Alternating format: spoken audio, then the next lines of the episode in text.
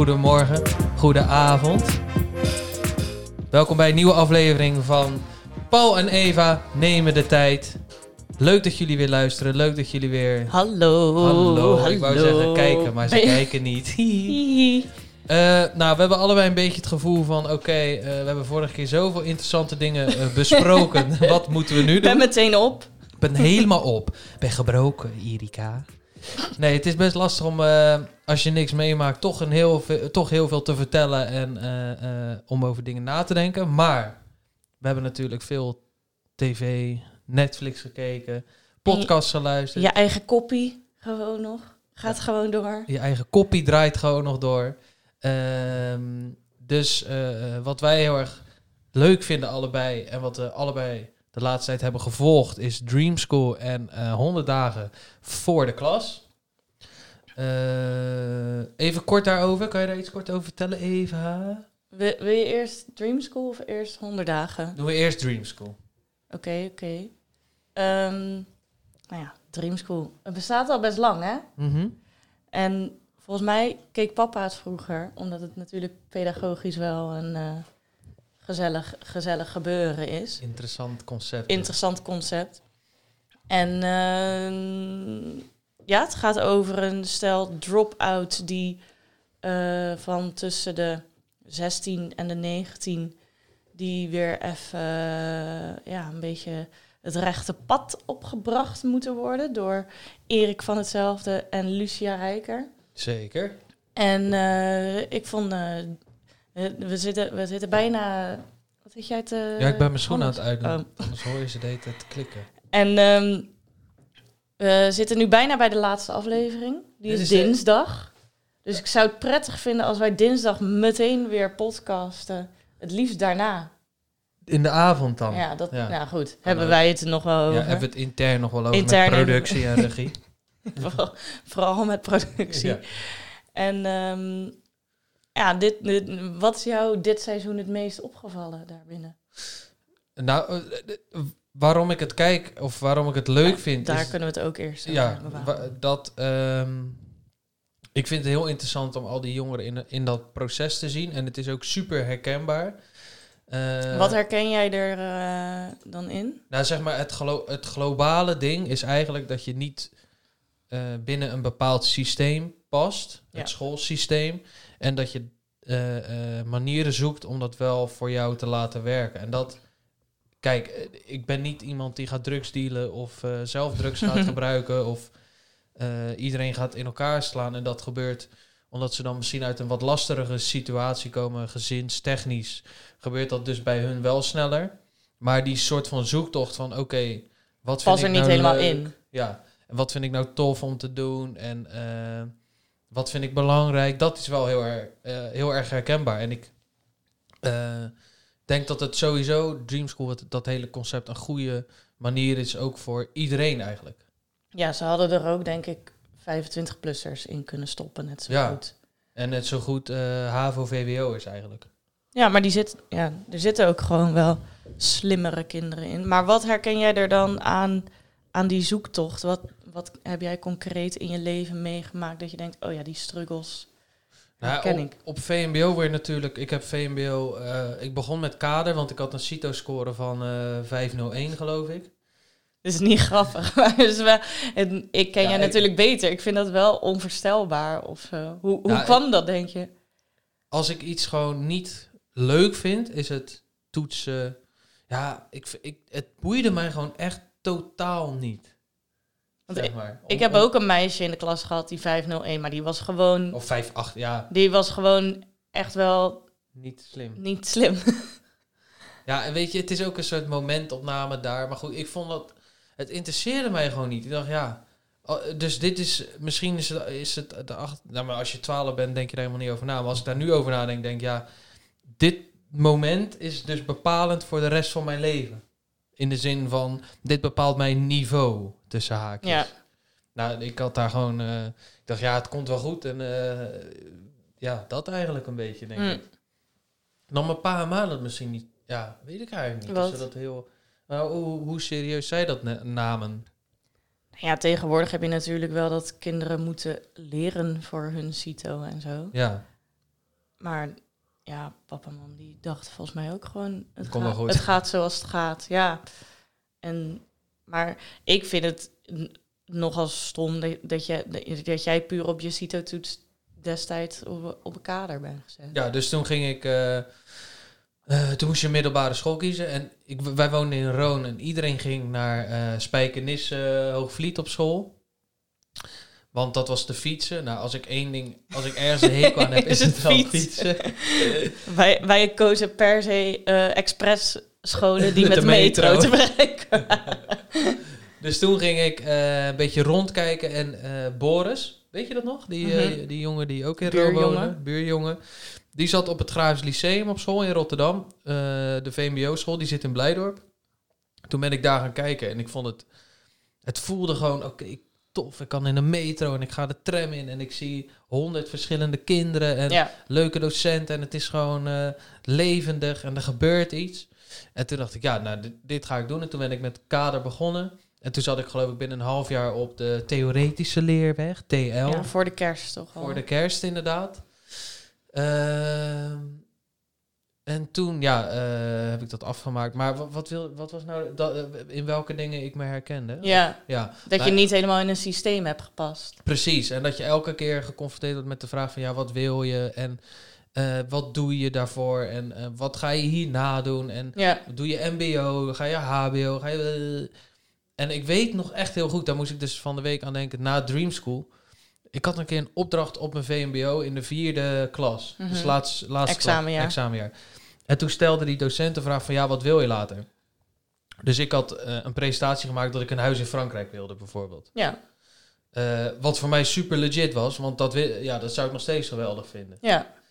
Eh, toen zei nee, maar het moet echt meer, Carrière meer, een- precies, meer een beroep zijn. Of het, moet- de een wilde piloot worden, de ander wilde dit. En ja, dit is eh, allemaal zo vaag en dat kan eigenlijk niet. Toen dacht ik, ja, wat is dat nou weer voor sufheid? Als, als dat nou mijn ding is, dan Ja. en, eh, vraag dan gewoon, ja, maar hoe zie je dat dan voor je? Of hoe denk eh, je dat te gaan hoe denk je dat te gaan realiseren? Maar dat was Ja. helemaal niet die vraag. En dat, Maar het was fout. ja, het was gewoon fout. Ja, dan krijg je een onvoldoende omdat ik een huis in Frankrijk wilde. Ja, suf. Maar het is eigenlijk gewoon een andere manier van denken. Ja. Hm. En dat herken ik wel misschien bij die eh, Dream School kids, die, die dan ja, gewoon nog zo zoekende zijn naar wat ze eh, willen en ook wat ze kunnen. En eh, het wordt hun niet makkelijk gemaakt door de processen waar ze zelf natuurlijk persoonlijk in zitten. Dat is het interessantste om naar te kijken. En dat zag ik toen ook wel, omdat ik in Rotterdam op school zat, veel om me heen. Mensen die het moeilijker hadden. Ja, en ook omdat ik natuurlijk, eh, dat is dan eh, even kijken hoor, 14, 15 jaar geleden dat ik daar op school kwam. En toen was die hele, ja, die soort derde generatie eh, Immigranten. immigranten, gastarbeiders, zoveel ouders die uit Marokko, Turkije, al die landen, zeg maar, kwamen. Antillianen. Antillianen, Surinamers, Cabo's, natuurlijk gewoon al die jonge kids. Eh, en die hadden ook wel veel, of ja, daar zag ik ook wel dingen in die je dan nu bij Dream School zit. En dat vond ik toch wel, ja, ik vond dat ergens wel heel erg leuk om al die eh, verschillen mee te maken. Ja, En ja, dat, eh, dat heeft mij alleen maar meer gemaakt tot wie ik ben, zeg maar. Al die verschillen en de andere culturen. En ehm, ja, ik vond dat gewoon heel erg leuk. Heb je uiteindelijk wel een weg gevonden in het systeem? Je hebt wel Nou ja, gekke schoolcarrière Ja. ge- gemaakt. Ik ging doen, eh, eh, VMBO was gedaan, MBO theaterschool. productie, hè? Productie, niet Productieopleiding, dansen. en niet zingen. dansen en zingen. Dat kan ik stiekem wel, maar dat doe ik niet. Nee, nee ja, eh, die- inderdaad die productieopleiding. En met mijn grote vriend Guy Verbeek. Ja, dat was gewoon... Dat was zo'n slechte school. ik heb het Hij komt weer terug, hè? Ja. De productieopleiding. Nou, weet je, eh, het probleem is met dat soort docenten, is dat dat waren allemaal mensen uit het vak. Maar eh, als je uit het vak komt, betekent niet per se dat je het ook kan Overbrengen. doseren. dat, dat, dat, ja, dat zijn er maar een paar. dat zijn er maar een paar. En dan, ja, goed, dat hele... Wij, wij zaten dan in die les en dan hadden we ook Engels en Duits. En dan we, had ik een vijf. Toen zei ik, ah, mevrouw, kom op. Dat kan toch ook wel een vijf en een half. dat uh, zesje of zo. En dan, dat gebeurde gewoon echt. Dat soort shit. En ik kreeg gewoon een zes. Maar ja, dat, uh, ja het was gewoon um, een soort lang levende lol uh, ding. En het is allemaal met hakken over de sloot gehaald. En nou, dat, wat mij mee, het meest bij is gebleven is, de, gebleven is de vriendschappen die ik daar ja, is dat heel leuk was. En dat het gewoon lachen was. En dat ik nooit een dag iets heb geleerd. Echt niks? Nou ja. Uh, je hebt toch ook gewoon stage die, uit, die, uit die stages ja. heb ik onwijs veel geleerd. Ja, sorry. Die stages waren wel heel leerzaam. Vooral bij uh, AT-theater, dat was uh, dat impresariaat. In, On With uh, Temptation, toch? Ja, ook. En zij deden ja, heel veel grote Nederlandse bands en theatervoorstellingen, noem maar op. En daar heb ik echt, echt mega veel geleerd. Ik was, elke dag ging ik daar echt vond ik met een klote gevoel naartoe, omdat ik zoveel... Het was een hbo-stage. Hm. Dus zij verwachten ook veel meer van mij. Ja. En ik had gezegd van ja, kan ik wel. Ik was echt toen zo'n arrogant pisventje wat zei van ja... Ik, uh, maar wat verwachten ze dan van jou wat, wat jij niet waar kon maken voor je nou gevoel? Ja, je, je moest heel... Gewoon een bepaald soort kennis en uh, skills moest je al een beetje hebben. Maar ik kon gewoon zeg maar, niet... Ja, ik moest bellen de hele dag bijvoorbeeld. Ja. Had ik nog nooit gedaan. Ik zat daar zo, ja, hallo. AT Theater, goedemiddag met Paul Toro. Uh, ik vond dat echt verschrikkelijk. Maar na twee weken was ik... Kom, ja, heb je daar ook een soort draai in? Ja, ik wou net zeggen, dat klinkt niet als dingen die jij niet, niet zou kunnen. Maar dat heb ik daar echt geleerd. Ja. Hm. En um, ja, gewoon een bepaald soort commerciële denkwijze heb ik daar ook heel erg geleerd. En time is money. Uh, ik had toen uh, een stage begeleid, Harriette. Echt achteraf gezien een superleuke vrouw. En uh, ik zat daar gewoon echt heel maar vaak... toen? Heel vaak niet in mijn vel. Gewoon echt niet goed. Maar dat kon, ik herkende dat helemaal niet. Want dat, was, dat was een soort nieuw ding. -hmm. Want alles ging voor de wind. En toen kwam in één keer iemand vertellen... Als een, zij was zeg maar mijn Gordon Ramsay toen. Van gast, ga eens werken en... ga eens wat doen. Ga eens wat doen. En toen vertelde zij me... Toen zei ik, ja ging ik ook heel vaak met haar praten van ja, ik weet niet, ik, ik voel het gewoon niet en uh, ja, ik, ik weet niet of ik het kan, weet je, helemaal zo. En toen zei ze, ja, want zij bokste toen ook, zei ze, ja, soms moet je gewoon die handschoenen aandoen en moet je gewoon, soms moet je ze uitdelen en soms moet je ze, moet je ze opvangen. ja. En toen, ja, ja, ja, ja, nou oké. En toen heb ik heel veel, ja, best wel leuke projecten ook daar gedaan en nou, dat was gewoon uiteindelijk heel erg leerzaam. Uh, en dat is wel het meest wat me van mijn MBO-tijd is dan bijgebleven. En toen HBO Communicatie Multimedia Design. Ja, dat. De, ja, dat was ook zoiets. Ja, nou, dat, ja. nou, tot op tot bepaalde hoogte paste dat toch wel. Ik vind het ook nog steeds best leuk hoor. Heel, zeg maar het marketing uh, ding en het conceptueel ja. nadenken. Totdat en, je uh, moest coderen en HTML. Ja, toen en, ging ja, en ik moest interaction design. Dat was echt dat is een onwijs moeilijk vak zeg maar alles wat, wat, wat je op, webs, op goede websites ziet en webshops, is dat er een heel interactief ontwerp zit. Zodat je gaat kopen. Zo, nou ja, ook. En dat je, uh, waarom je een rond knopje gebruikt en geen vierkantje. Hmm. En uh, uh, bepaalde zoekbalken, waarom zijn die... Dat is ook een beetje psychologisch of zo. Ja, heel erg psychologisch. En dat moesten we heel... Amazon moesten die site ontleden van waarom zit de zoekbalk rechts en de uh, annuleerbank links, weet je. De, alles had een reden. Alles heeft een reden. Maar ik vond dat zo moeilijk. En op een gegeven moment, ja, dacht ik... Wat, het is heel erg leuk om dit misschien te weten, maar ik weet, ik ga hier echt niks mee doen. En toen begon ik gelukkig uh, te koken van Ja. het huis naar eigen toko, dat hele verhaal. Dus ja, dat was een beetje mijn... eh, Hoe is dat proces gegaan toen je ermee stopte?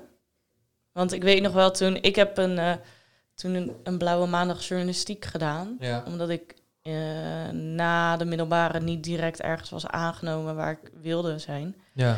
En toen... Welke ba- eh, middelbare heb jij gedaan? Doe even een korte oh ja. eh, recap. Maar, nou ja, ik was op de basisschool was ik super easy. En ik zou in principe een klas mogen overslaan. Maar dat heeft mama niet gedaan, omdat ik nog niet kon knippen. Nog steeds niet. Nog steeds niet. Dus dat is een goede set geweest. En eh, nou ja, ik, eh, ik, had, ik had wel een hele goede CITO-toets. en ook een, eh, ik had een soort alternatieve CITO-toets waar meer op ehm, ruimtelijk inzicht en zo ook. eh, Echt? Dus ja, en daar, daar, daar kwam ik nog slimmer uit. maar uiteindelijk ben ik naar de theater HAVO VWO gedaan. Ja. En die school Wij zaten in hetzelfde gebouw trouwens. ja, dat was eh, zeer geinig. En eh, die school bestond net twee jaar toen ik erop kwam. Dus ik ben de tweede lichting daarvan geweest. Oh ja, shit. Dus dat was. eh, ik had ook. Ik had in totaal van, van een stuk of vier docenten les. Want één iemand die gaf drie vakken. Ja. Maar zo ging het. Maar het theatrale eraan was dat je dus acht uur in de week extra Moest dan. eh, spel, dans en zang had. En ik denk dat ik in de eerste twee jaar daar nog wel passie voor had. Maar toen dacht ik eigenlijk, ja, het boeit me veel meer hoe die verhalen gemaakt worden en tot stand komen. En, maar daar kreeg ik ook wel de ruimte voor om dat een beetje te onderzoeken. Dus ik Ja. mocht ook meer regisseren, schrijven en dat soort dingen. Mhm. En nou ja, toen ben ik één keer blijven zitten, omdat ik... eh, Ja? ja, Oh, dat wist ik helemaal niet. Omdat je niet kon dansen. nou nee, nee, daar lieten ze volgens mij nooit echt mensen op zitten hoor. Nee. Ehm, nee, gewoon omdat ik niet zoveel deed. Ik zat toen in VWO-klas Oh ja. en toen ben ik naar de HAVO gegaan. Oh ja, ja. dus ik heb er uiteindelijk wel net zo lang over gedaan. Maar... En ehm, nou, toen ben ik voor mijn HAVO geslaagd. Best wel prima. En toen wilde ik meteen naar schrijfopleiding. Mhm. Maar dat was toen niet gelukt. Ja, ik weet niet. Ik, tijdens die toelating... Ja, toelatingen zijn natuurlijk sowieso verschrikkelijk. Stressvol. Want ja, ik wilde gewoon... Ik weet niet wat ik die eerste keer dacht. Maar ik heb toen niet zoveel gezegd. Ja. Of zo. Een beetje... Uitspanning of zo. Ja, te erg de kat uit de boom gekeken. Ja. En toen was ik niet aangenomen. Maar toen zeiden ze... Toen kon je nog wel telefonisch feedback krijgen. Ja. Toen zeiden ze... Ja, maar je bent ook nog een beetje jong. Want ik kwam toen fresh van de... Dus acht- Van de high school, acht, ja. 17 of 18, zo. 19 of zo. Ik, wa ik was nog steeds de jongste van de klas toen ik uiteindelijk was aangenomen. Ja. En ehm, toen, nou ja, toen dacht ik, ja, ik heb er geen zin om nog een jaar te wachten om dan aangenomen te worden. Ik Ja. ga wel iets anders doen waarvan ik denk dat het te maken heeft met schrijven. Ja. Dus toen ging ik journalistiek doen. Nou, dat heeft dus helemaal niks te maken met schrijven. Want ik, ja, dan moet je, dan moet je op lokaal niveau eerst nieuws gaan zoeken. Ja, dan sta je eh, mensen bij het bejaardenhuis, bij de stembus of zo te interviewen. En toen dacht ik, ja, dit boeit me gewoon niet. Nee. En qua, Het is ook niet creatief. nee, qua Nou ja. tentamens en zo haalde ik alles. Want het ging toen nog in het eerste jaar volgens mij heel erg om eh, taalgevoeligheid. En gewoon dat je het groene boekje helemaal uit je hoofd kent qua Ja. regels en zo. Ja, tuurlijk. Nou, dat kon ik wel. Maar toen weet ik nog dat ik huilend op het station stond. En toen stond ik mijn mama te bellen. Ja. En die zei, Kan Nou, mee. dan stop je er toch lekker mee. En toen dacht ik, oh mijn god, ja. Oh, dat kan ook nog. ja. Nou ja, het was... de- ja. Dus eh, Ja. zo was ik gestopt. ja En toen uiteindelijk was ik, ging ik dat jaar weer toelatingen doen. En toen was ik eh, en bij de Writing for Performance Mhm. En bij Creative Writing op Artes allebei aangenomen. Dus, maar toen ging ik ook iets meer, iets, iets steviger en zelfverzekerder of zo die eh, toelatingen doen. Ja, beter. Toen heb ik gevlamd als een gek. Maar dat, eh, dat, dat, dat mama heeft gezegd, nou dan stop je er toch lekker mee. Dat was wel eh, De eye-opener van een redding geweest, ja. Had je het anders doorgezet of zo? Ehm, nou, ik denk het niet. Ja, dat klinkt heel denigerend, maar ik deed het, de journalistiek in Tilburg ook. Ik weet niet waarom. Had Ah, beter in Utrecht geweest. Maar ja, Brabant, hè? Brabant. ja, ik had ook niet echt iemand in mijn klas waar ik een klik mee had of zo. Ja, oké. Dat is ook wel lastig, ja. Dat, eh, dat, dat haar, de, ik had het misschien wel af kunnen maken, maar dat waren vier hele zware jaren Ja. geworden. Dat misschien een beetje hetzelfde als ik bij, eh, op mijn HBO. Had ik ook wel kunnen doen, maar dan eh, heel, Ja. heel blij was. Maar dat, het- ik denk dat ik tegen hetzelfde aanliep als jij toen op je mbo. Het boeide me gewoon echt niet. Nee. Ja, eh, vooral, weet je, eh, mijn beeld van journalistiek was, is gev- ge- gevormd door, door films, weet je. Dat, Ja. dat je dan hele vette onderzoeken gaat doen en ja. de wereld kan veranderen uiteindelijk. En dat, dat je echt, echt goede artikelen gaat schrijven. Ja, maar dat, het is zo'n ladder waar je op begint. Je moet beginnen met lokaal. Ja. Nou, en dat vind ik wel eh, iets wat, wat ik tegenwoordig steeds meer tegenaan loop. En ik denk meer mensen is het gewoon de maatschappij Mhm. die ons zo in een eh Keurslijf. keurslijf gooit van oké, doe, je, doe je opleiding, doe dit, doe Ja. dat. En dan denk ik echt, ja, dat is eigenlijk heel ouderwets. Ja. vind ik. In, of in ieder geval, ja. Dat, want het is toch veel... Je krijgt bijvoorbeeld... Je leert allemaal theoretische vakken. Maar wat we niet leren is bijvoorbeeld... eh, eh, communicatie of zo. Of Ja. hoe je met elkaar omgaat. Of eh, een beetje psychologie achter bepaalde dingen. Ja. Of, en dat... Ja, dat, ik denk dat dat wel iets is wat... wat waar mensen en kinderen ook veel meer behoefte aan hebben. Dat merk je ook bij die Dream School van... eh, hoe belangrijk is het om, om te weten wat je voelt en Ja. hoe je dat kan verwoorden en de dromen die je wil volgen in plaats van En hoe je dingen incasseert ook. Want die ene jongen, die, die drugsdealer, die Damien, Damien. Ja. die, die voelt zich al, die heeft een soort Calimero-syndroompje. Hè? Ja, dat hij zich dan, altijd tekort voelt geschoten en dat hij totaal niet met kritiek om kan gaan. En wat dat betreft ben ik dan toch wel blij dat ik op de theaterhavo VWO heb gezeten.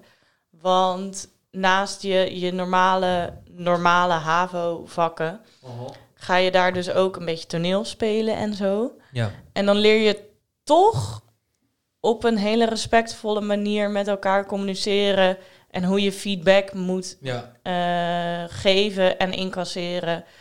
Ehm, dat is voor mij heel waardevol geweest. maar ja, dat, ik denk dat dat wel iets is. Als ik, bijvoorbeeld, ik zit er heel, heel vaak over na te denken van als ik zelf kinderen krijg, dan, Ja. zou, dan zou ik dat liever veel meer gaan Anders stimuleren of anders zien. Of, eh, Ja, Ik denk dat het veel belangrijker dan, dan dat mijn kind weet hoeveel 1 plus 2 is. Natuurlijk zijn er bepaalde basisdingen, maar ja, eh, ik, vind, ja, ik vind dat gewoon veel belangrijker. Dat je je persoonlijke ontwikkeling wordt eigenlijk eh teniet gedaan gedurende je, je schoolcarrière. ja. Daar kan, daar, kan, daar kan men veel meer uithalen, denk ik. Dat is echt mijn gevoel in ieder geval. ja wat zou je nu, als je nu, nu een kind krijgt, wat zou je dan in het ideale geval doen? Wat bedoel je? Nou ja, ik zou in ieder geval mijn kind. Er zijn tegenwoordig scholen waarbij alle niveaus door elkaar zitten. Ja, En dan het idee is dat, dat, de een, dat, je, eh, dat je elkaar een beetje oplift, zeg maar. Ja. Dat, Ja, zou dat, dat wel... is ook zo'n ding, niveau. Ja, Ja. dat vind ik ook zoiets sufs. Want kijk, ik snap het wel dat, dat, dat we volgens bepaalde regels moeten leven om een soort van dingen af te kaderen. Maar eh, voor mij is een, een VWO'er of een, een VMBO'er niet, dat, daar zit voor mij geen verschil in. Nee, Dus inderdaad, dat zou wel een goede, goede optie zijn. je moet even... Jij zit de hele tijd met je kabel tegen Oh, een andere kabel aan. Kan dat? weet ik niet. Wacht, Maar je kan hem ook iets verder houden, als je wil.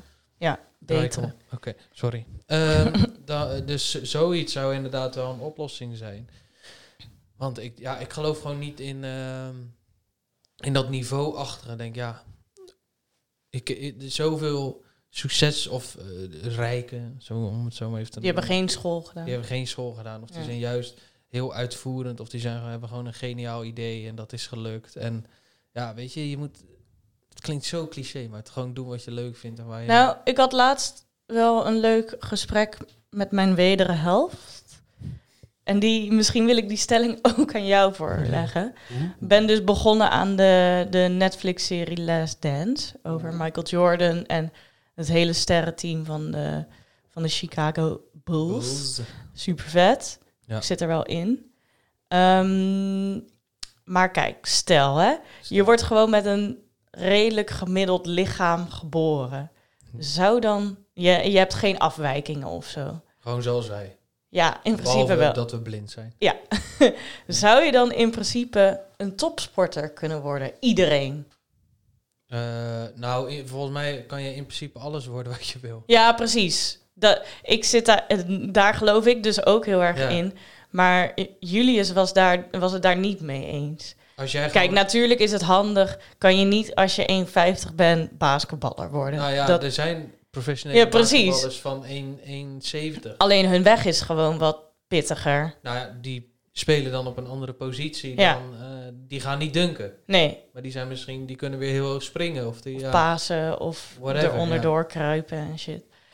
Maar eh, jij denkt dus ook dat je wel in principe alles kan worden wat je wil. Zeker. Nou ja, ehm, het is volgens mij ook genetisch, eh, net zo die basketbalmannen, die Mhm. don- donkere lange mannen, die zijn genetisch, eh, krijgen die sneller spierontwikkeling ontwikkeling ja. of spiermassa. Of die hebben iets genetisch, wat net zoals dat eh Usain Bolt, dat zijn gewoon, of je ziet heel veel hardlopers uit Kenia en dat soort dingen, die hebben gewoon dat iets mete, beter eh, systeem in hun. Ja, Maar ehm, buiten dat denk ik, als je gewoon traint, dan, ja precies.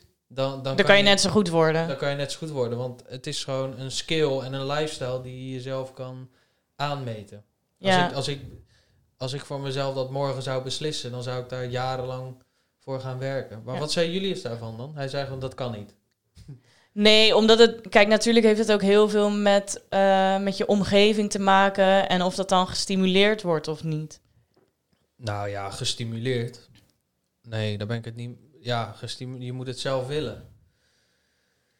Ja, maar als er niemand zegt... maar er gaat Als je er niet echt achter komt dat dat een optie is... Ja, maar niemand, gaat, niemand heeft Michael Jordan verteld... Jij wordt later de grootste basketballer van de wereld. Ja, precies. Hij heeft dat wel heel erg zelf bepaald. Hij heeft dat zelf- als, zelf ik die, bepild. als, ik die, als ik die serie zou moeten geloven. You're zelf bepild. ja. En, en zo is het met Tiger Woods ook. En eh, nou ja, eh, noem LeBron James, noem al die gasten maar op. En zo Maar bijvoorbeeld, ik wil misschien een bewerking van een boek doen over een meisje wat dus eh, eh, een Surinaamse meid die in de jaren tachtig op het gymnasium zit. Mhm. Maar dat heeft haar moeder wel heel erg bepaald. Ja. Nou, Zij wilde dat, dat zelf op, in principe niet echt, omdat dat dan niet heel erg cool was. Want iedereen die zij kende deed dat niet. Ja. En zij zei, toen heeft haar moeder gezegd: Nee, je hebt een gezond stel hersenen. Dus jij moet dit gaan Jij doen. moet dit gaan doen. Ja. Ja, je hebt natuurlijk... Maar wat is, wat is je vraag? Dat er veel ouderlijke druk is? of- Ja, nou, dat het, dat als die moeder dat niet had gezegd, dan had ze dat inderdaad niet gedaan. Nee. Dus dat, nou ja, het heeft, ja, Maar ja, in hoeverre wordt dan eh, iets gestimuleerd wat zij echt wil? Dat moet je dan afvragen. ja. Misschien wil ze helemaal geen eh, gymnasium doen. Nou ja, of ze is zich er niet bewust van dat Ja. ze het misschien wil. Daarom. En ik, ja, ik denk dat als je wat, wat, whatever je wil, dat kan, dat kan. Dat denk ik echt. Ja. Oké, let's go to the Dream School.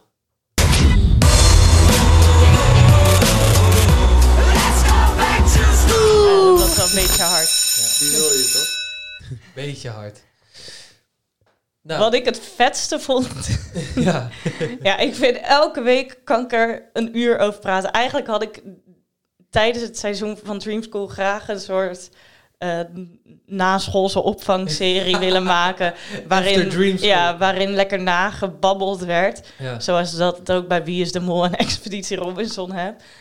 Maar dat moet jij gewoon organiseren. Ja, ja, ja. Dat, volgend seizoen ga ik dat doen. Ja. Sowieso. Maar ehm, wat, ik, wat ik wel eh, bijzonder vind dit seizoen, dat er heel veel, eh, dat er een paar leerlingen tussen zaten waarvan ik dacht, deed jij mee? wat is jouw probleem? Bijvoorbeeld er zit zo'n Jochie Quino. En zijn background is dat hij, eh, zijn ouders hebben eigenlijk alles voor hem gedaan. Een, be- een beetje die Surinaamse. Nee, nee, nee. De, ja, precies. Je weet niet wie het is. Die heeft een privéschool ook gedaan. eh, maar zijn ouders eh, hebben dat ook allemaal betaald. Maar het is hem niet gelukt. Ja. En in een van de laatste afleveringen blijkt ook dat hij wel een beetje ziek erg gepusht werd door zijn ouders. Ja, ja, ja. Maar in principe had hij niet echt. Ja, dat was zijn grootste probleem. En dat is ook wel een groot probleem. En ik wil dat ook niet bagatelliseren.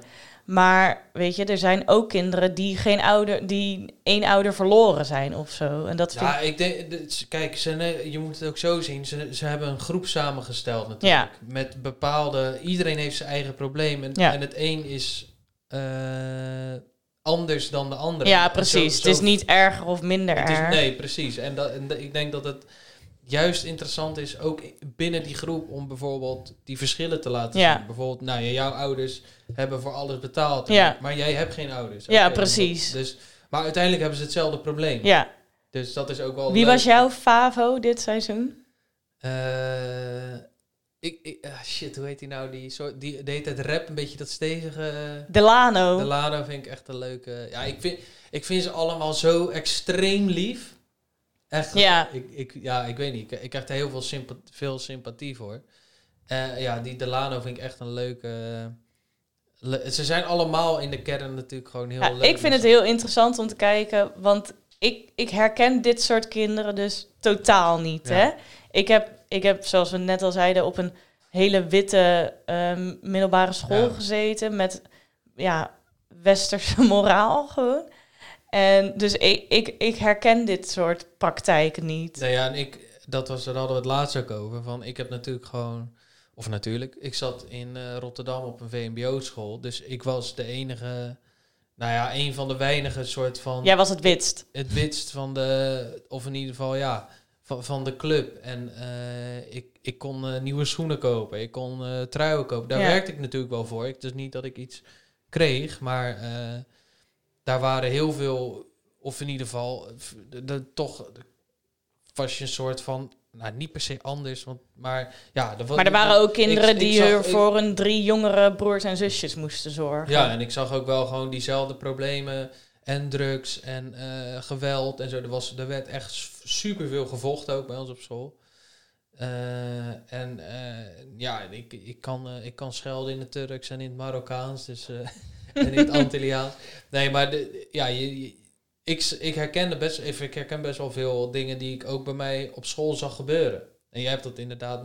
Ik heb niks meegemaakt op Nee. middelbare school. Ik zat, er, er was geen, eh, ook geen, nauwelijks testosteron aanwezig, want er zaten nauwelijks jongens. eh, en als ze jongens op- waren... waren ze van de andere kant van de dansvloer. Ja, En ehm, dus de, ja, het was allemaal gewoon ja, meidenproblemen af Ja. en toe. ja, bij ons was het gewoon knokken in de pauze. Ja, Dan keek, keek vet. iemand- En, en ik, weet ook, ik ben ook wel eens... Ik heb ook iemand wel eens geslagen. Maar heb je, ja, precies, dat heb ik. De, voor, naar mijn idee was jij ook best wel braaf en gebeurde er niet zoveel. Ja, zeker. Ik was hartstikke braaf. Ja, 100%. Maar maar ik- je hebt wel gevochten. Nou ja, ik, ik weet nog één... Iemand zei een keer iets over oma. En toen deed ik zo... Pots zo Ja, maar tegen zijn wat, neus. wat kan je over oma zeggen? Ja, ik weet niet meer wat... Hij, weet je, als sommige... Ja, je, je moeder. En toen zei iemand... Ja, je oma. Of zo, weet je, zoiets dus was het. Dus ik zei tik op zijn neus. En hij zei... Ja, dat, ik zeg... Je mag alles doen, maar dat niet. en hij, hij zat met zijn te kijken... Oh ja, oké. ja, nee, ja, duidelijk. Ja, en de, je zag gewoon veel dat soort shit om je heen. En ook met drinken op al die schoolfeesten. En eh, de mensen aan de pillen en zo. En dat, dat, dat de mensen knock-out gingen en één keer schuimbekkend op de dansvloer lagen. Midden in de aula. Ja, dat soort shit gebeurde er wel.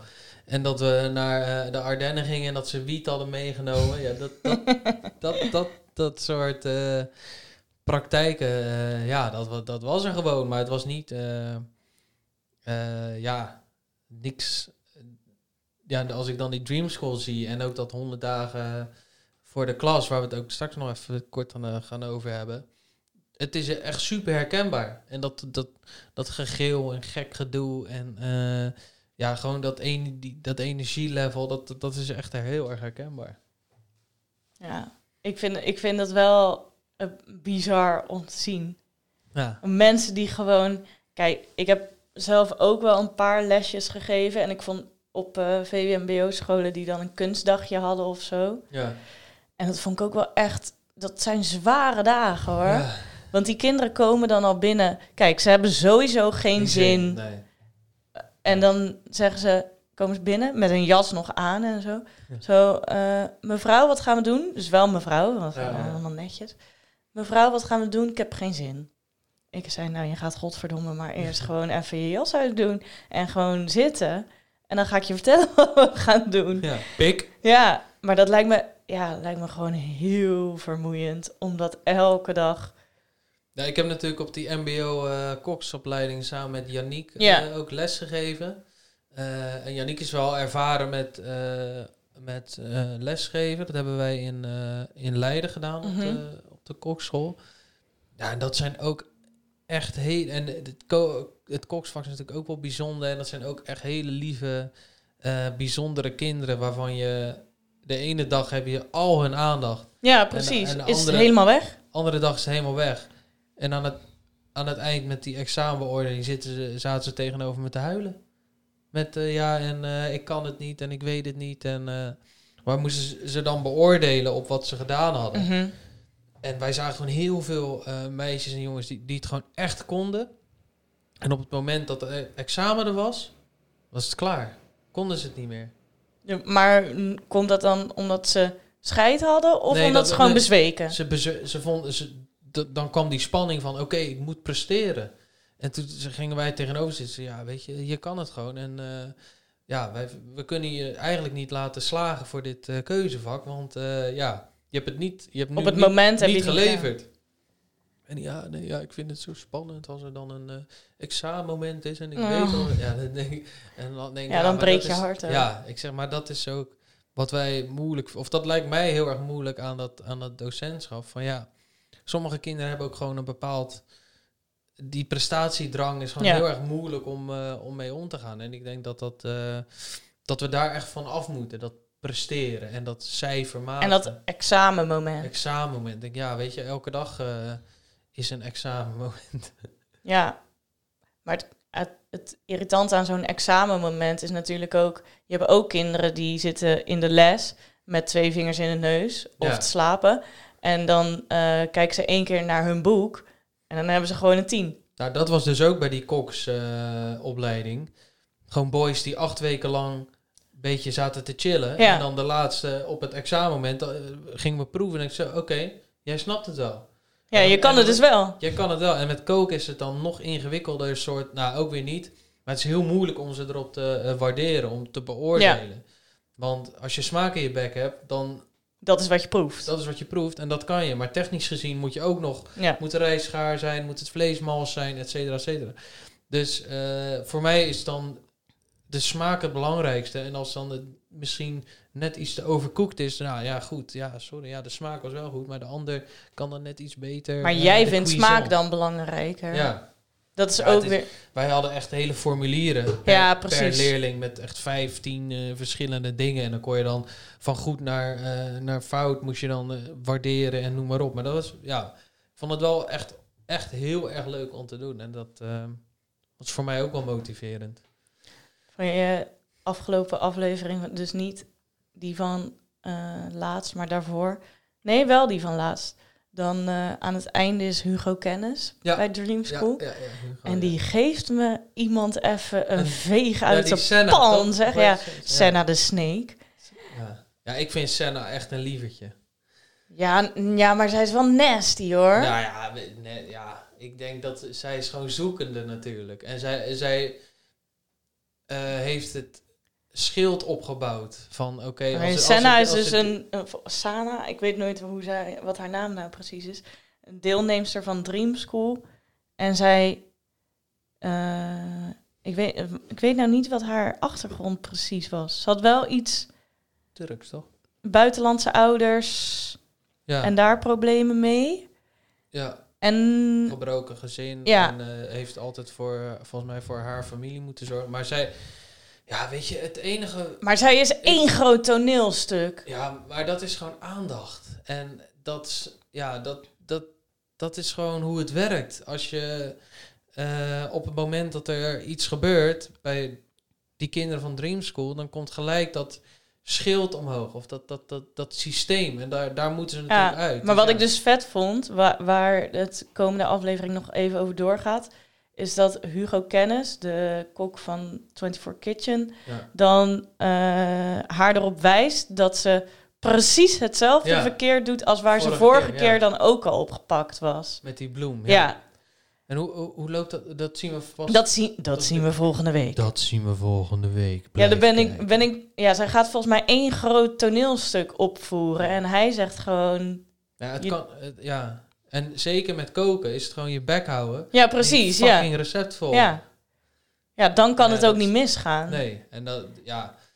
Ja, Daarom is het ook zo goed dat er altijd een, een, een kokles komt geven. ja. Het lijkt mij super leuk om een keer te doen. Of bij Dream School. Het lijkt mij kapot heftig. Zeg maar vanuit mijn eigen... Kijk, ik zou dan nog het meest overeenkomen met... Niet dat ik al een roman heb geschreven, maar met Philip Huff. Ja, En hij, hij kon het gewoon niet. nee. Hij kon het niet. Nou, ik wil niet zeggen dat, dat hij het niet kan.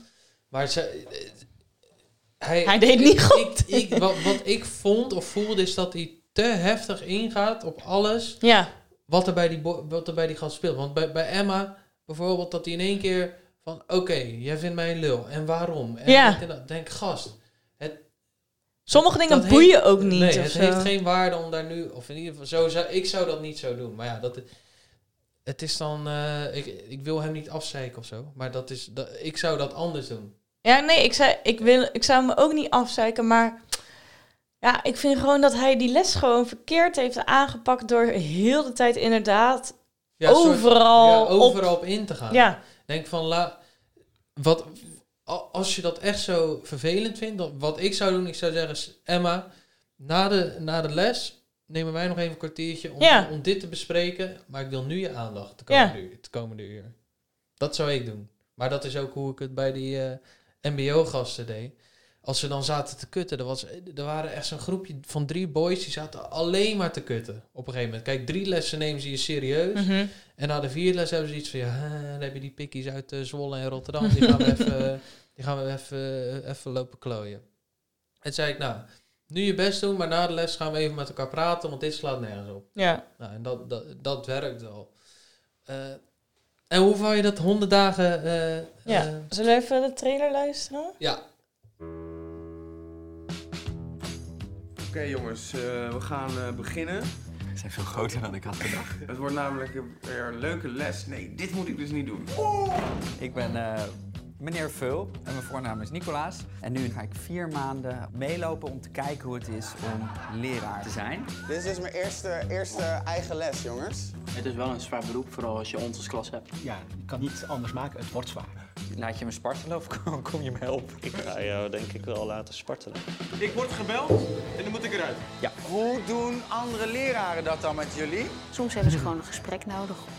Of een schop onder de hol. Jongens! Hij moet gewoon rustig blijven, een beetje grapjes maken. Vingers zeg ik toch? vingers zeg ik toch? Met je primaire neigingen, je moet het echt doen met vakmanschap. Meneer Veul en meneer Den Beste ontdekken hoe het is om leraar te zijn. 100 dagen voor de klas. Vanaf donderdag 16 april, VPRO NPO 3. Sowieso echt een van de leukste programma's die er is geweest Sinds afgelopen tijden, jaar. ja. Ja. Ja, ja ik Ehm, vond het ook super leuk. ja, Maar dat, dat, Maar ik vond het bizarste vond ik. Wanneer is het gebeurd dat het maar geaccepteerd wordt dat iedereen met zijn koptelefoon, Ja. oortjes, jas Eten aan, vreten? Ik, ik, ik snap niet. Ja, dan hadden we misschien even een iemand die nu in het docentvak zit moeten bellen of zo. Maar ik snap niet hoe, dat, hoe dat maar geaccepteerd wordt. Nee, ja, ik, ik, ik, ik zat daar ook met verbazing naar te kijken. Ja, toch? Pet op, of in ieder geval, bij ons was het gewoon pet af. Eh, je lesboek op tafel. Ja, en verder eh, niks. Je, pen. houden. Ja. Dat, Ja, ik heb dat, die memo heb ik ook een beetje gemist. Dat dat allemaal eh, maar kan en mag. Maar misschien zijn wij old-fashioned. Ja, dat is misschien net, net een generatietje. Ja. Maar ik, vond het, ik vind het heel erg goed voor, voor het docentschap. Want laat zien, nou, niet per se hoe zwaar het is. Want mensen kiezen ervoor. Dus ik denk, ja, je kan zeuren hoe zwaar het is. Maar Maar het is niet voor iedereen weggelegd. Het is niet voor iedereen weggelegd. En ik weet ook niet per se... Ik, de, ik, ik ben het niet helemaal eens met dat statement van... Oh, wat hebben we het zwaar. Want dan... Heel simpel, dan moet je het gewoon niet doen. Als, ik, als Nou, ik, weet, als ik chef ben... dat ik 80 uur per week op mijn poten moet staan.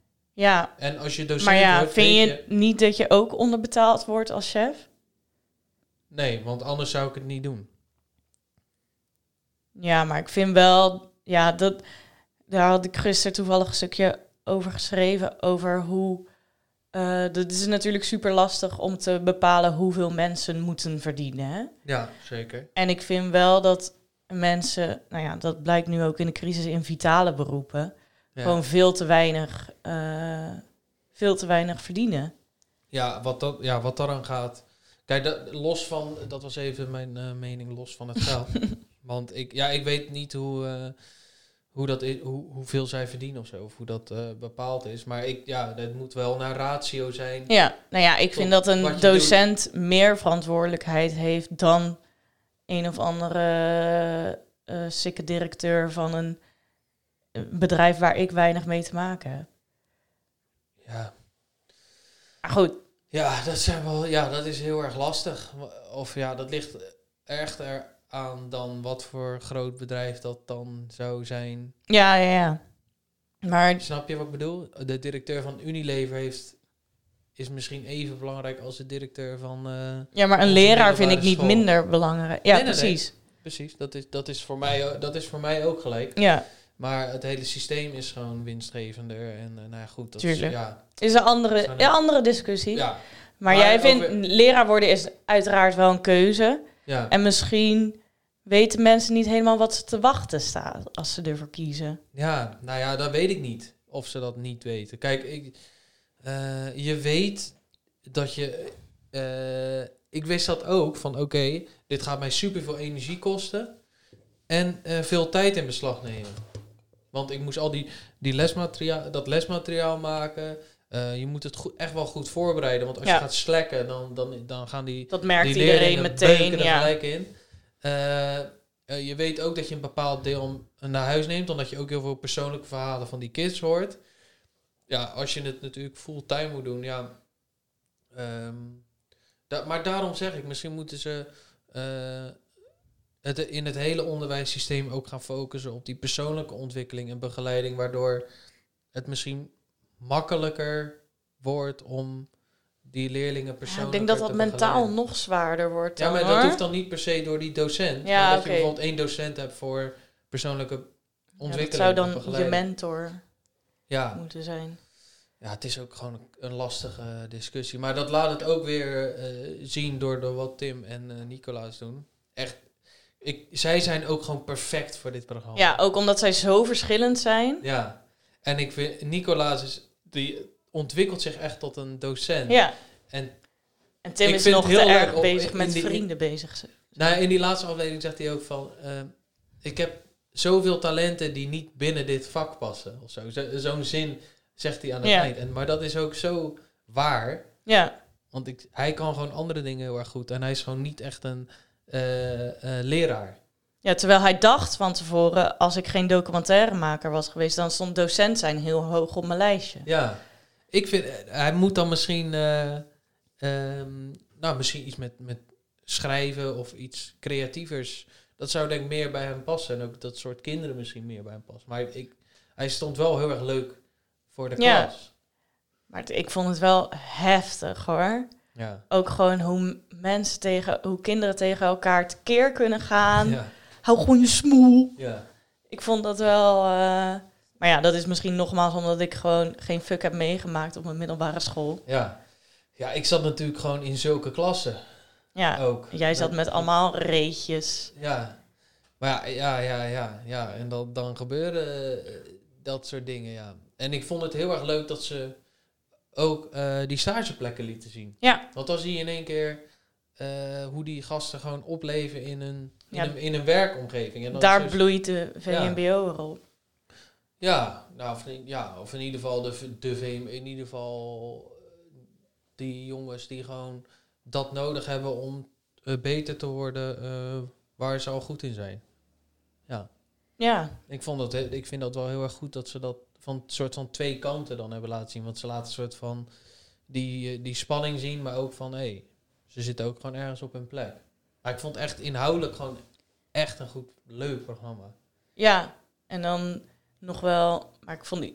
Sommige kinderen waren ook wel gewoon heel raar. Er één... Kinderen zijn raar. Ja, maar dat... Ja, ik, ik zou daar niet over uitgepraat raken als ik docent zou zijn. Als ik dan thuis zou komen na een dag werken, dan zou ik denk ik uren aan verhalen te hebben van, nou, wat, wat die vandaag weer zei. Ja. Ja, maar dat had die Nicolaas vertelde dat toch ook. Ja, ja, ja. Dat, hij thuis ook zoveel eh, daar nog over eh, te bespreken had. Ja, kinderen zijn, of eh, mensen zijn gewoon typisch. Maar goed, ja, dat, dat is, dat blijft voor je hele leven. Ja, maar ik, wil dan heel graag daar niet over oordelen. Maar ik vind sommige mensen gewoon zo bizar soms. Wat bedoel je? Nou ja, zo'n... zo- Volgens mij heette die jongen Tim of Ja. Timo. Die altijd met zijn koptelefoon Ja, had. ja. En ook gewoon een beetje... Ja, gewoon wel een beetje weirde jongen was. Hij was ook al wel oud En aanwezig ook. en heel aanwezig. En, maar hij wil niks vertellen over de scheiding van zijn ouders. Dan denk ik, ja, volgens mij is dat waar jouw hele Ja, tuurlijk. vandaan komt. Ja, maar en, en dat waarvan ik dan denk is als iemand dan, eh, of je mentor, of in ieder geval iemand daar iets meer aandacht aan Ja, kan geven, ja, ja, dan, dan help je zo'n jongen al zoveel verder in plaats van. Die jongen schreeuwt om aandacht. mhm, Letterlijk en Ja. figuurlijk. En dan denk ik, ja, als je dan net iemand he- hebt die ehm, hem wel even dat moment geeft, denk ik, ja, dan, wordt daar wordt zo'n kind veel beter van. ja, Dat denk ik. En dan, eh, ja, dan komt hij misschien weird en eh, op een bepaalde manier over. Maar dat, dat, dat is dat is misschien helemaal niet wie die is, snap je? Maar goed, ja. Tuurlijk zijn ze weird. Je bent, je bent 14, je bent 14, 13, Ja. 12, 15. Ja, ik was ook weird toen. En jij ook. En ja, iedereen was op zijn eigen manier heel apart. Omdat je aan het ontdekken bent wie je bent. Maar het vetste in 100 dagen vond ik dat er op een gegeven moment een goudvis in een Ja. zak aan iemand gegeven wordt. Zegt ze, Voor zijn verjaardag. ja, maar hij was helemaal niet jarig. Nee. ja, het, het is gewoon... Het is gewoon sowieso heel erg lachen om allemaal te zien. Het is echt een heel leuk... Heb jij iets in de trant van een goudvis in de klas meegemaakt? Nee. Nee, ik heb wel echt... eh, leer, of le- klasnoot had hij gewoon 0,0 Engels spraken. Nul, I know, zeg maar. Dat Ja, ja, ja. I know that. En dat, dat, is, dat, dat is wel echt mij bijgebleven dat ik dacht van... Wow, dit is wel... Another level. Dat, dat vond ik heel heftig, omdat ik gewoon... Ik keek veel Engelse tv Ja. of liedjes. En eh, wij waren... We zijn natuurlijk in onze jeugd drie keer naar Amerika geweest. Dus dan kom je toch in een... In aanmerking met de Engelse taal heel gemakkelijk. Veel Engelse muziek. Maar als je natuurlijk gewoon... Bijvoorbeeld even... Het, dat was een Turkse jongen en die is gewoon opgegroeid in een Turks gezin. Mhm. Turks gesproken. En als je dan in één keer Engels moet leren... Ja, dat is... Dat was voor Dus sommige die spreekt boys- waarschijnlijk ook al niet zo goed Nederlands. Nee, en dat, was dan, dat is dan zo'n omslag. En dan dacht ik, ja, dit is wel, dit is wel heavy. Ja. Maar Ja. is ook wel de realiteit. Het is zo. ook wat het is. Ja, Dus ja, dat, het is niet erg, maar het is wel gewoon een soort van, wow, oké. ja. Hoe Heavy moet shit. het dan met jou later gaan? Ja, nou ja, weet je, iedereen, eh, everybody finds his way.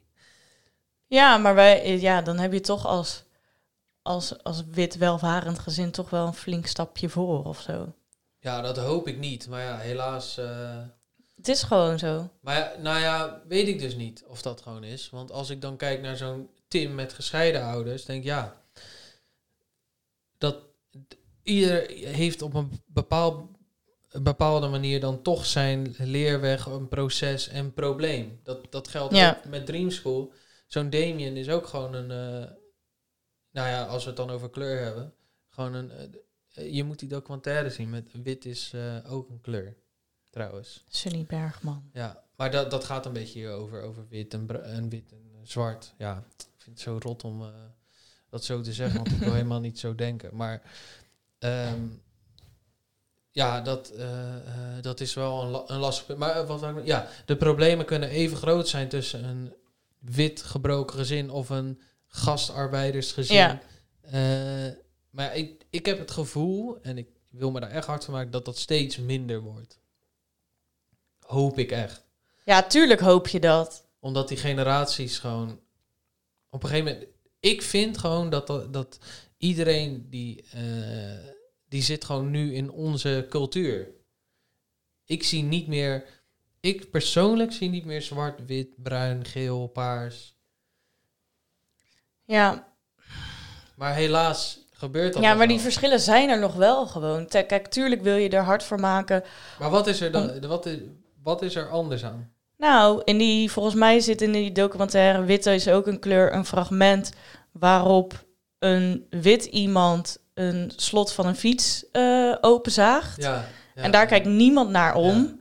En een zwarte iemand en is het meteen, wat ben je aan het doen? Ja. ja, ik weet dat het er is, maar ik vind, ik vind het wel heel erg. Ja, maar ik vind het ook wel belangrijk om, ehm, om daar actief mee bezig... Ik heb mijn scriptie daar min of meer over Ja. geschreven.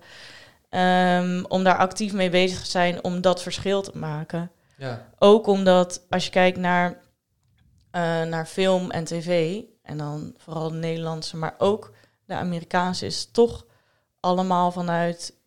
eh, de meeste verhalen zijn gewoon heel westers en heel wit. Ja, zeker. En als je dan bijvoorbeeld als, als Antilliaan of als eh Marokkaanse of Turks op een toneelschool komt, Ja. dan is dat heel, heel verwarrend. Van, huh, maar waarom mag het verhaal van, eh, van, van, van deze Turkse schrijver niet worden opgenomen in het, eh, in het hoe noem je dat? In het curriculum. Ja, ja en of, waar ik het meeste moeite heb, mee heb, ehm, is dan zeg maar die derde, vierde generatie. Dat zijn gewoon Nederlandse kids. Ja, ja, ja. Maar, Die eh, kunnen er ook niet echt iets aan doen. Nee, maar zij hebben dan bijvoorbeeld wel bepaalde eh, ideeën of vanuit geloof of vanuit thuis Ja. meegekregen. Maar dat hebben wij of eh, de witte gemeenschap even erg zo. Ja. Snap je wat ik bedoel? Ja, ja, ja, ja. Want ehm, het, maakt, het maakt mij niet uit of je nou nasi als lunch neemt of een boterham met pindakaas. Ja. Voor mij ben je, ben je hetzelfde, ben je sowieso altijd een mens, maar dat verschil wordt nog steeds heel erg gemaakt. En dat, Ja. ik vind dat, dat zij, daar, zijn, daar werken mensen zoals Thierry Baudet en, eh, Ja, precies. en Trump en Geert Wilders heel erg aan. En daar, ja, dat vind ik echt verschrikkelijk. Ja. En, maar bijvoorbeeld dat moment, eh, dat vond ik wel vet, de afgelopen aflevering bij Dream School, dat eh, Amina na de Ja. les nog even naar Klaas Dijkhoff gaat. Ja. Amina is een meid die dan uit Rusland komt ja. en heeft met haar gezin echt in, in tien verschillende AZC's gezeten. En dat is eh, psychologisch voor elk mens, voor een kind, voor een volwassen mens, is dat gewoon heel zwaar en de hel. En dan confronteert ze hem er min of meer mee dat hij in die tijd eh, de eh, minister van Immigratie was of zo. En dan zegt hij, ja, ja, daar moet dan iets mis zijn gegaan. En dan zegt zij Ja, ook heel terecht, zegt zij zoiets van, ja, dat kan. Maar zij was een kind van negen. Dus ja, wat heeft zij aan het antwoord? Ja, daar moet dan iets mis zijn Ja, gegaan. de, de eerste, het eerste formulier eh, ging dan niet goed. Ik denk, ja, weet je, ik Ja, vind het echt... ja, dat kan. Ja. ik denk echt, eh, we zijn gewoon allemaal... We zijn echt allemaal gewoon mensen. En het, het liefst, eh, ja... Kijk, zolang je mensen in een, in een bepaalde hoek blijft duwen... wat heel lang gebeurd is bijvoorbeeld met Antillianen, Mhm. eh, Marokkanen, Turken... dan denk ik, ja, als, als je als maatschappij elke dag zegt... jij bent een dief, Ja. dan ben je een dief. Ja. Dat, is- zo werkt het gewoon. Ja, ja, ja, daar- precies. Daar moeten we gewoon vanaf.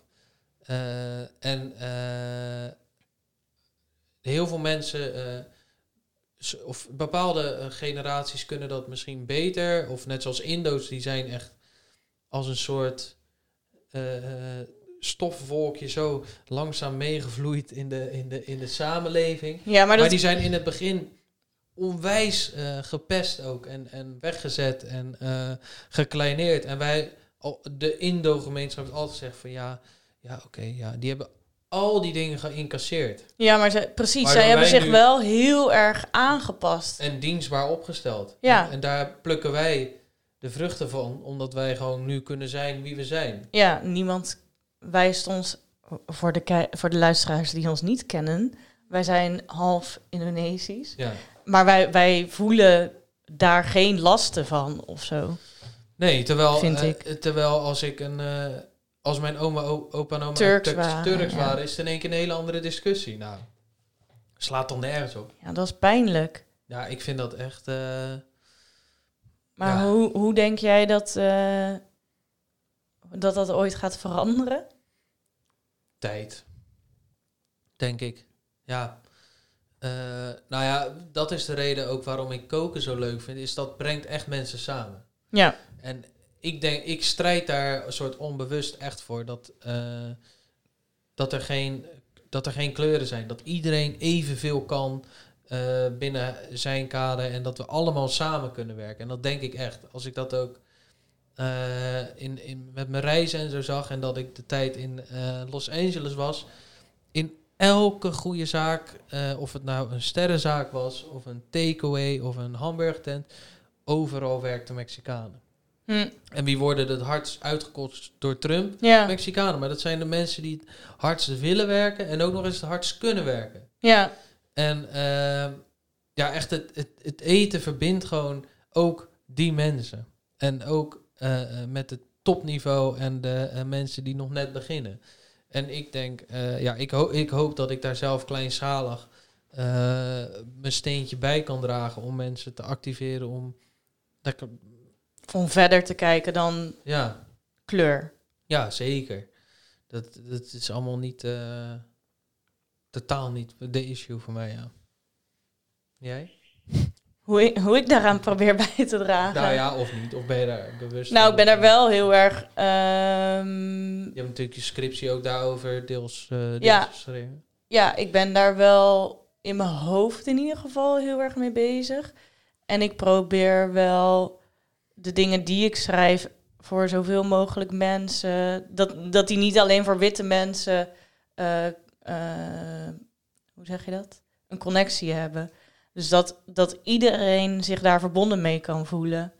En ik, ik zou het ook heel graag in de toekomst, als ik daar ooit zeggenschap over krijg. Stel, er wordt iets van mij verfilmd dat ik dan ook wel in de casting daar eh, eh, een steentje aan kan bijdragen. Van ja, maar waarom is deze cast helemaal wit?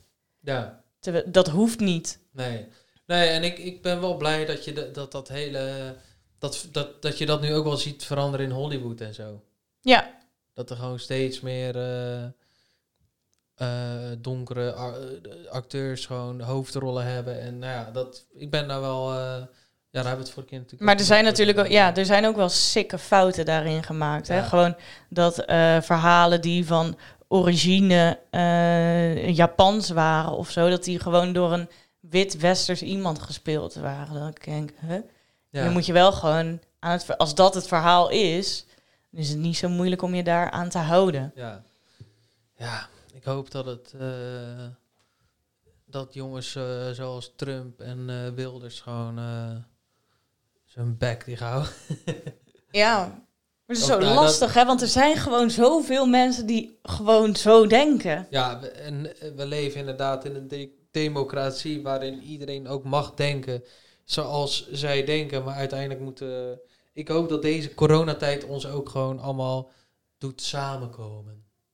Ja, Snap je wat ik bedoel?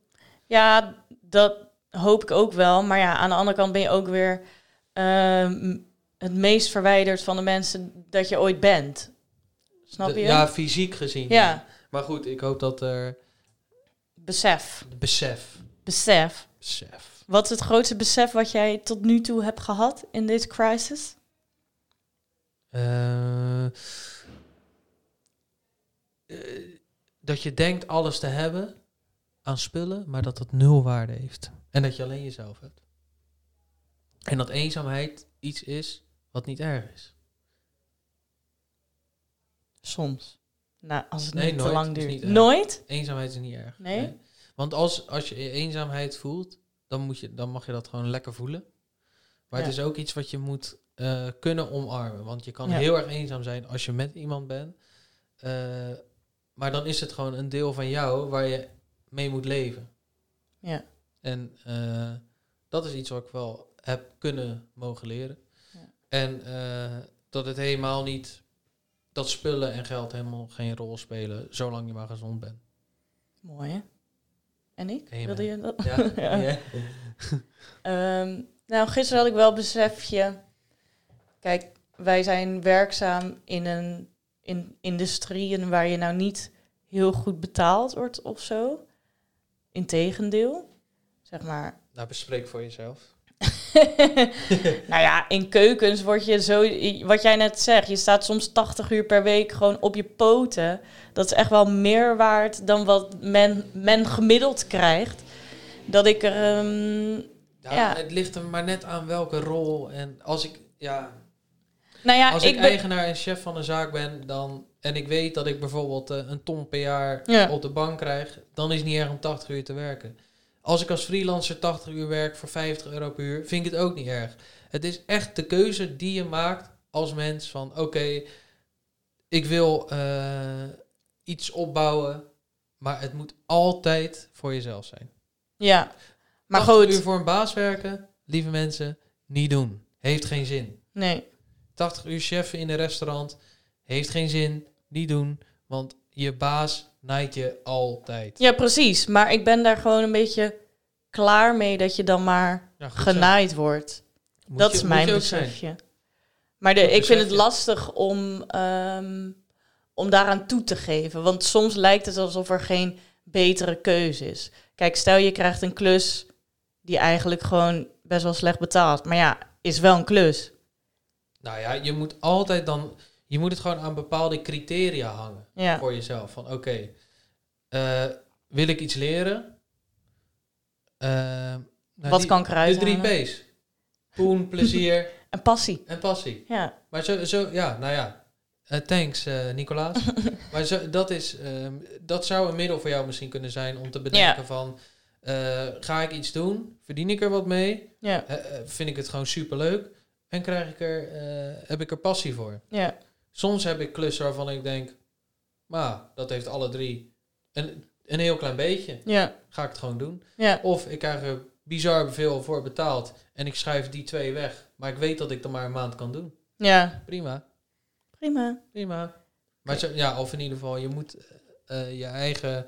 Maar ik, ik denk echt, als jij eh, blijft bij de eh, principes en gedachten die jij hebt, dat er mensen zijn die je juist daarop gaan waarderen. Ja. Want ehm, ik zou eh, eh, voor mezelf de hele, overal kunnen werken, bij wijze van, en ehm, onder een chef Mhm. en gewoon normaal betaald kunnen krijgen. Maar ik vind het andere dingen veel interessanter en leuker om te doen. En op een gegeven moment komen er mensen die dat waarderen en die zijn er gelukkig ook.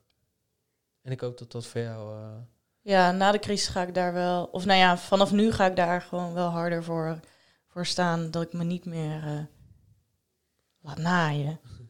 ja, zeker. Moet je ook niet laten doen, tenzij je daarvan geniet. Zullen we daarbij houden? Ja, niet genaaid worden en lekker veel beseffen. Tot de volgende keer. Tot de volgende keer.